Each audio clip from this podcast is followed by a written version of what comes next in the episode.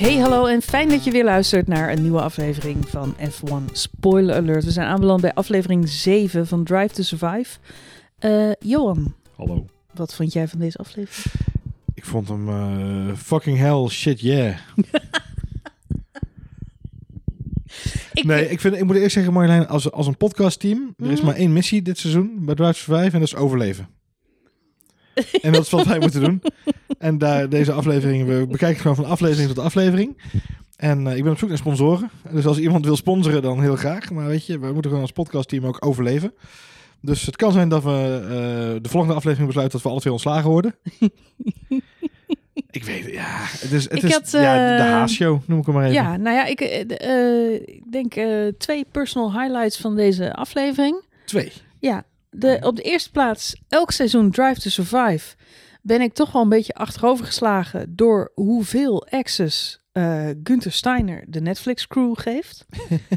Hoeveel exes, hoeveel ex-vrouwen bedoel je? Of hoeveel toegang? Nee, hoeveel toegang. Ja, precies. Ja. Het is elk seizoen zit ik echt een beetje op mijn, eh, eh, op mijn lip te bijten, omdat, omdat, omdat ik me realiseer. eh, eh, ja, dat, dat je gewoon echt een inkijkje kijkt. En ik, eh, het gesprek wat hij met Gene Haas op een gegeven moment heeft over. ehm, eh, A German driver for a German... eh, eh, ja, over sponsor. Mick Schumacher. Ja. en dan denk ik, holy shit, Mick Schumacher, die zit nu net als wij thuis op de bank naar Drive to Survive te kijken. Die ziet zichzelf daarin geïntroduceerd worden en die hoort ook meteen hoe zijn nieuwe baas achter de schermen over hem Ja, praat.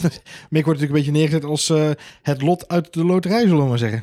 Ja, dat is voor Mick Schumacher natuurlijk ook een beetje een lullige introductie. Eh, hij is natuurlijk wel meer dan, eh, dan dat. Hij is namelijk ook de zoon van een van de belangrijkste Formule Formule twee- 1 coureurs van de wereld. En de Formule 2 wereldkampioen, maar dat terzijde. Maar Ja. dat tezijde, daar Precies. hebben we het niet Ja, over. nee. Maar goed, hij brengt ook blijkbaar veel geld in het laadje. Eh, side note, we zien niks over de deal met Mazepin... die waarschijnlijk nog veel meer geld in het laadje brengt. Ja. Het gaat hier alleen maar over ja, een relatief klein sponsorship deeltje van 15 miljoen euro ergens in We, we Duitsland. zien de uitkomst. Ja. Ja. Ehm, maar goed, ja, het, het is wel, nou ja, in elk geval eh, wederom interessant om een kijkje achter de schermen te krijgen. Ik zei twee hoogtepuntjes, maar het waren er eigenlijk drie. Derde hoogtepuntje, of het tweede hoogtepuntje. Ja. Vond ik eh, toch echt wel om eh, eh, eh, ja, de dynamiek niet alleen Haas te zien. Ik dacht dat het een Haas-aflevering zou worden. Maar ook eh, vooral de relatie met, eh, met Alfa Romeo. Ja. Ik vond het heel leuk om Vazeur en Steiner zo een beetje elkaar uit te zien dagen. En ook wel goed contact met elkaar te zien hebben. En ik vond het heel erg leuk om Giovinazzi eens wat meer in beeld te zien. Zeker. Daar heb je natuurlijk nooit echt een, een, een, een heel goed beeld bij. Nee. Nou, en dan kom ik bij mijn derde hoogtepuntje van de aflevering. Kimi Räikkönen zit erin. Ja, precies. ja, gewoon elk shot waar Kimi in komt is eigenlijk een hoogtepuntje. Maar waarom zo weinig? Ik denk dat Kimi... Ik denk dat er... ehm eh, Zou die gewoon een half uur daar gezeten hebben, half, half uur stilzwijgend voor zich uit hebben zitten kijken? Zal iemand hem toen aan hebben getikt en hebben gezegd, Kimi, Je mag weer gaan. je mag weer gaan. Ja, dat hij dan zijn microfoon afdoet en weer wegloopt. Nee, hij heeft misschien twee vragen beantwoord inderdaad. Nee, maar ik denk... Maar die bewaren aantal- ze voor een andere Er zijn aflevering. natuurlijk een aantal acteurs die gewoon... Of acteurs, eh, voor mij nou Acteurs! Oh. Wauw. Er zijn een aantal coureurs, sorry, die natuurlijk heel weinig Ja, actual eh, acte de présence hebben gegeven. Dat we daarheen wil, was ik aan het opbouwen in mijn hoofd. Ehm, er zijn natuurlijk heel weinig coureurs die acte de présence hebben gegeven in deze eh, eh, eh, dit seizoen tot nu toe. Nou, laten we niet Dus vergeten dat eerste seizoen, dat we amper hoofdpersonages hadden, omdat toen nog niemand wilde meewerken. Toen was het alleen maar Haas en, en de backmarkers, omdat Ja, omdat toen zowel Red Bull als eh, Mercedes als Ferrari niet wilden Niemand meewerken. wilde toen dus meedoen. Dat was toen heel beperkt inderdaad. Nee, maar goed, je ziet nu ook, eh, we gaan natuurlijk nog wel, we hebben nog drie afleveringen te gaan. Dus ik ga ervan uit dat er nog wel een paar nieuwe bekende gezichten bij zullen komen. Maar je, iedereen zal het doorhebben rond deze tijd. Dat Max Verstappen er heel weinig in, in aan meedoet. Nou goed, dat weten we. Max heeft daar vrij uitgesproken over. Kimi Räikkönen zien we inderdaad vrij weinig. We hebben ook nog eh, vrij weinig gezien van Williams tot nu toe. Dus ehm, eh, weet je, ik wil niet vooruitlopen op de zaken, maar ik denk dat er een aantal teams toch een beetje aan de low end van de, de vlieguren zitten bij Netflix. Dus het is fijn om Kimi weer even te zien. Ja, een Kimi-puntje. een Kimi-puntje. Maar goed, dat is natuurlijk niet waar, eh, waar deze aflevering om draait. Ehm, Nee. Ja, het is eh, een mooi verhaal. Ehm Gunther's Choice. Mooie titel. Koen's Choice, ja. Een En mooie play op Sophie's Choice. Nou, het is, het, ik zei gelijk tegen ja, oh, dat is die race waar hij eh, dus inderdaad besluit om buiten te blijven, waardoor ze die twee punten pakken. Ja. En, Ja, en, eh, maar wel mooi gecombineerd met de race waarin je hetzelfde besluit. Precies, waarin het niet lukte. En ik kan me herinneren dat we het daar in deze podcast ook over gehad hebben. Zo van de ene week was het een succesvolle strategie en de volgende week Ja. pakt, hè, p- eh, ja, pakt het dan niet goed uit. Eh, maar je moet er echt mazzel mee hebben. Wat dat betreft is het wel eh, ja, echt Russische roulette voor Steiner. Dus volgend jaar volgens mij oefenen hè, met een baanspinnen bij. Ik wou het zeggen, zal nog vaker voorkomen. Maar-. Het is ook een noodgreep. Het is natuurlijk het enige wat Steiner heeft. Vond Ja. jij het ook niet verschrikkelijk sneu om te zien hoe hij nog steeds elke race na afloop gelijk door Gene Haas aan de gebeld wordt? Ik heb echt met hem te doen op die momenten. Jezus, heb je net zo'n Nou. klote race gehad? Tudu, tudu. Ja, daar is hij alweer Hangt de ja. baas alweer aan de lijn heb je hem alweer inderdaad. om je Nou, te fileren. ik moest vooral lachen om ehm, eh, het feit dat eh, ze de, de, de, de, de telefoontune er gelijk onder hebben gezet inderdaad. Dus je hoorde... nee. En je, hebt ook, je, je voelt plaatsvervangend die cringe dat je naar de telefoon kijkt en denkt... Ja, shit, ik moet hem opnemen. Het liefst zou ik nu gewoon weigeren. En waar ik ook wel om kan lachen is het feit dat hij dan inderdaad... eh, eh, elke keer dat, dat mondkapje zo half onder zijn neus zet. Oké, ik heb gesprek gevoerd, heb mondkapje zo half onder zijn neus. En dan, ja, het is, het is Het heel... viel wel op dat er man, in Duitsland eh, wat minder mondklapjes, eh, waren nog aan het begin van 2020 dan de rest van de wereld. ja, Valt sowieso in, in de bubbel van Formule 1 zien we natuurlijk de coureurs altijd met mondkapjes en ook de journalisten. Dat is allemaal Ja. super streng. Maar wat in deze op aflevering mij natuurlijk wel ook opviel, dat is zo'n business meeting daar ergens in Duitsland. Niemand heeft een mondkapje op. Er wordt wel goed afstand gehouden, maar ook Steiner die hè, met zo'n sponsormanager gewoon een kopje koffie zit te drinken in de paddock. Ja. Ja, ja. Nou ja, ik denk in die paddock zit je natuurlijk in de bubbel. Dus dan, dan Ja. is het, zal het allemaal wat, wat makkelijker zijn misschien. En Nee, maar ik ook merk dat ik daar als televisiekijker nu heel erg... ongemakkelijk voor wordt. Ja. Nou ja, nou, niet, zozeer ongemakkelijk, maar wel dat je er heel erg op let. Zo Oh, je gaat erop af wat zo is- van, oh, ja, wanneer is dit? Wat, is de, wat zijn de regels afstand, hier? afstand, ja, afstand. afstand. Ja, het is heel eh, Rustig. eh, Ja. ontregelend, eh, eh, onrustige televisie. Maar goed. Nou ja, maar eh, eh, jij zegt dat die meeting, die business meeting waar je het over hebt, dat die eh, inderdaad eh, begin van het jaar of plaatsvindt, of dat, het een, hè, dat mensen daar aan weinig regels hebben. Maar ik denk dat die meeting later was dan je dacht. Hm. Want ze laten daarin al, en daar was wel verbaasd over, de pakken zien die ze dit jaar hebben. Ja, eens. Eh, met de Urukai, uh, Urukali, uh, Uri Bunki eh, sponsor Dus erop. de, de deal met Mazepin is daar al rond. Dus. De deal met Maatspin is daar al rond. Ze hebben al eh, de nieuwe kleurstellingen helemaal eh, samengesteld. Dus die meeting is... Ik zeg niet dat die meeting eh, pas vorige week heeft plaatsgevonden. Want weet je, zo laat worden die beslissingen ook niet genomen door de teams. Maar op dat moment was de boel al wel rond. En je zag natuurlijk ook aan het fantastische acteerwerk van alle betrokken partijen. Dat eigenlijk al lang duid- duidelijk was dat, ze een, dat de, zin, de zin moest uitgesproken worden. Als je voor ons een Duitse coureur kunt regelen, zou dat fantastisch zijn. ja, dat was voor het verhaal ja. heel belangrijk. Dus dat, ja, Ik, ben, ik, eh, ik vond het wel in, die- in dat opzicht. Ehm, enerzijds eh, een leuke aflevering. Het is altijd leuk, vind ik, om bij een van de minder succesvolle eh, teams achter de schermen te kijken. Aan de andere kant vond ik dit wel een van de ergste Mickey Mouse afleveringen van het hele seizoen. En Mhm. daarmee bedoel ik wat jij in de vorige podcast zei. Voor wie maken ze deze serie nou? En eh, wat ze doen in deze specifieke aflevering, dat is het verhaaltje zo simplistisch maken. We hebben twee teams, vier coureurs. Iedereen moet vechten om zijn plekje. Kimi Räikkönen, die komt binnenlopen. Die zegt hi, die is weer weg. Die Ja, speelt precies. verder geen rol. Dus de, de vierde man, die, die hoeft letterlijk niet meer mee te doen. Het gaat vanaf dat moment alleen nog maar om die drie. En Mick Schumacher komt ineens aan tafel zitten. Dan wordt er nog een soort spanningsboogje opgebouwd van... hey, Mick Schumacher wordt ineens bij Alfa Romeo in de pit gesignaleerd. En die mag daarmee testen. En Mhm. wat is dan het verhaal? En eh Gene Haas aan de telefoon. Moeilijk lastig, moet een sponsor regelen. Oh. Dan zit hij voor 15 miljoen, zit hij inderdaad bij zo'n Duitse partij. Jij zegt terecht, er wordt daar een hoop wink-wink ehm, Ja. gedaan over Precies. de tafel. Alsof daar een of andere mega moeilijke deal wordt eh, gesleuteld. En eh, vervolgens zien we inderdaad Magnussen en Grosjean... die nog helemaal in onwetendheid zijn van... nou, ik hoop dat ik nog Formule 1 rijd. Ik hoop dat ik nog Formule 1 rijd. En dan krijgen we weer die hele... De, de, de, de, hoe heet die ook alweer? Die film, The Departed? Nee, Ja, de, de, eh, die andere met Leonardo DiCaprio. Waar die stad helemaal op zijn kop wordt Ja, gezet. eh, de eh, Inception, ja. Inception. Yes. De Inception boom krijgen we. Boom. Boom. Both Haas drivers Ja. dropped. Ik had daar ooit eens een putten voor. Kan ik je vertellen? Die had ik op mijn Ja. werk. En als het dan inderdaad op het werk iets gebeurde... De of Inception maakte, ja, Ja. had ik de Inception boom. Had ik mijn speakers aanstaan. Als iemand dan een opmerking maakte die, die zo heel spannend was, dan zet ik de Mm. Inception boom even aan.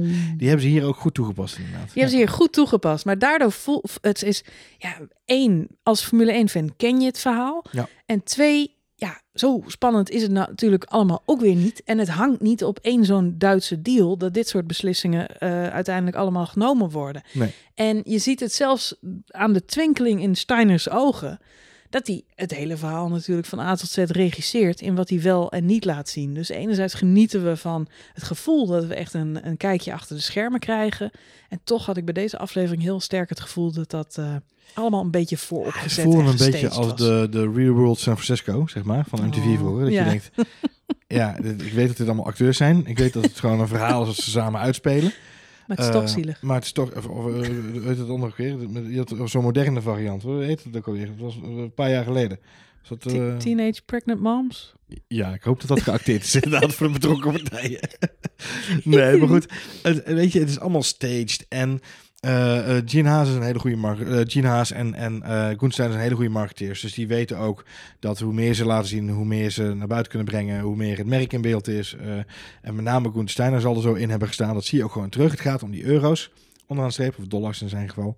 Ehm, ik denk onderaan de streep dat het voor Gene Haas eh, een van zijn laatste seizoenen Formule 1 is. Die zal waarschijnlijk zijn keutel intrekken en denken... mooi, ik heb Maansbinnen binnengehaald. Die wilde al jarenlang een team kopen. Laat hem dat team van mij maar overnemen. Dan blijft die dus functional family van Gunther Steiner blijft intact. Ja. Ehm, ik hoop voor Mick Schumacher, fingers crossed, dat hij daar eh, ongeschonden uitkomt. Ik ben er bang voor. Ehm, maar dan goed, dan vindt hij altijd wel weer een ander plekje. Want het is nou eenmaal iemand met een goede naam en een beetje talent. Wat ook niet Ja. heel onbelangrijk is in deze sport. Dus dat gaat wel goed komen, denk ik. Maar het is, eh, het is wel een hele geregisseerde aflevering. En ehm, weet je, mensen die de sport niet kennen, die gaan er zitten kijken en dan denken ze: oké, dit is de kant van de sport die het minst interesseert. Het is een beetje alsof je eh, op zondagavond. Ik, ik kijk bijvoorbeeld nooit stu- dat studio voetbal of zo, weet je wel. Dat vind ik gewoon dat, dat gelul over voetbal. Ja, vind ik ook niet zo interessant. Ik vind voetballen zelf te gek. Ik kijk graag voetbal, maar het gelul over voetbal. Eh, ja, op de training is het volgende gebeurd. Oké, nou fantastisch. Gelul over Formule 1 daarentegen, Johan. Daar kan En dan ik kan ik een heel- podcast over vollullen. Ik wou net zeggen. Ik heb er wat van hoor.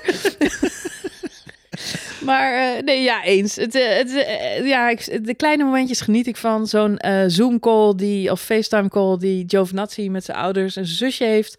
Dat vind ik een heerlijk moment. Gewoon zit- zoiets kleins. Er zitten een paar hele mooie authentieke momenten in. Maar wat je je steeds vaker gaat afvragen, en ik weet niet of jij dat ook hebt gehad, maar ik denk Mm. eh, mensen die met ons meekijken, het misschien ook wel een beetje doorhebben intussen. Je kunt aan de haarlengtes, de baardlengtes en de stand van de ogen zien Mhm. wanneer de, de interviews zijn opgenomen. En het interview dat Kevin Magnussen geeft, Ja, is tegelijkertijd opgenomen. ja. Dat is één take. Let er maar eens op. Dat is, ik, Hij ziet er ik- altijd hetzelfde ik uit. ga ervan uit dat het één take is. En dus hetzelfde wat bij Wie is de Mol gebeurt. Namelijk, je zit in een, eh, in een booth en je moet in één keer doen alsof je de opdracht nog moet Ja, gaan dat doen. noemen ze in de tv-wereld eh, de biecht. Ja, de biecht. Ja, de, de, deze biecht, ik vind het wel leuk bij Jenny Gao, hebben ze ook echt de lamp staan alsof ze in het kloosterhokje zit. Moet je- Mhm. Moet je eens Ja, maar ze hebben af en toe ook zo'n rooster op de Dat achtergrond. zeg ik, dat rooster alsof, de, alsof de Ja. pastoor ernaast zit. Ja, dus dat rooster Ja. inderdaad, dat, dat, dat bedoel ik ook inderdaad, dat doe ik op. Ehm, maar ik denk dat de biecht van Kevin Magnussen voor deze aflevering in één teken is opgenomen, of in één sessie is opgenomen. Met andere woorden, aan het begin van de sessie praat Kevin Magnussen nog over de mooie familie die, die Haas is. En hoe leuk hij het heeft en dat hij hoopt dat hij nog een lange toekomst bezet is. Terwijl hij al weet dat hij fucking ontslagen is. Maar dat is televisie, joh. Maar dat is televisie, Marjolein. Volgens mij gaan we straks meemaken dat eh, we gewoon uitzoomen bij Romain Grosjean. En dat zijn vrouw er al die tijd dus al naast zit. En Ja, dat zijn joh. handen dus al die tijd al in het verband, verband zitten, Omdat hij die crash al heeft gehad. Daarom zien we dat gewoon helemaal niet. Ja.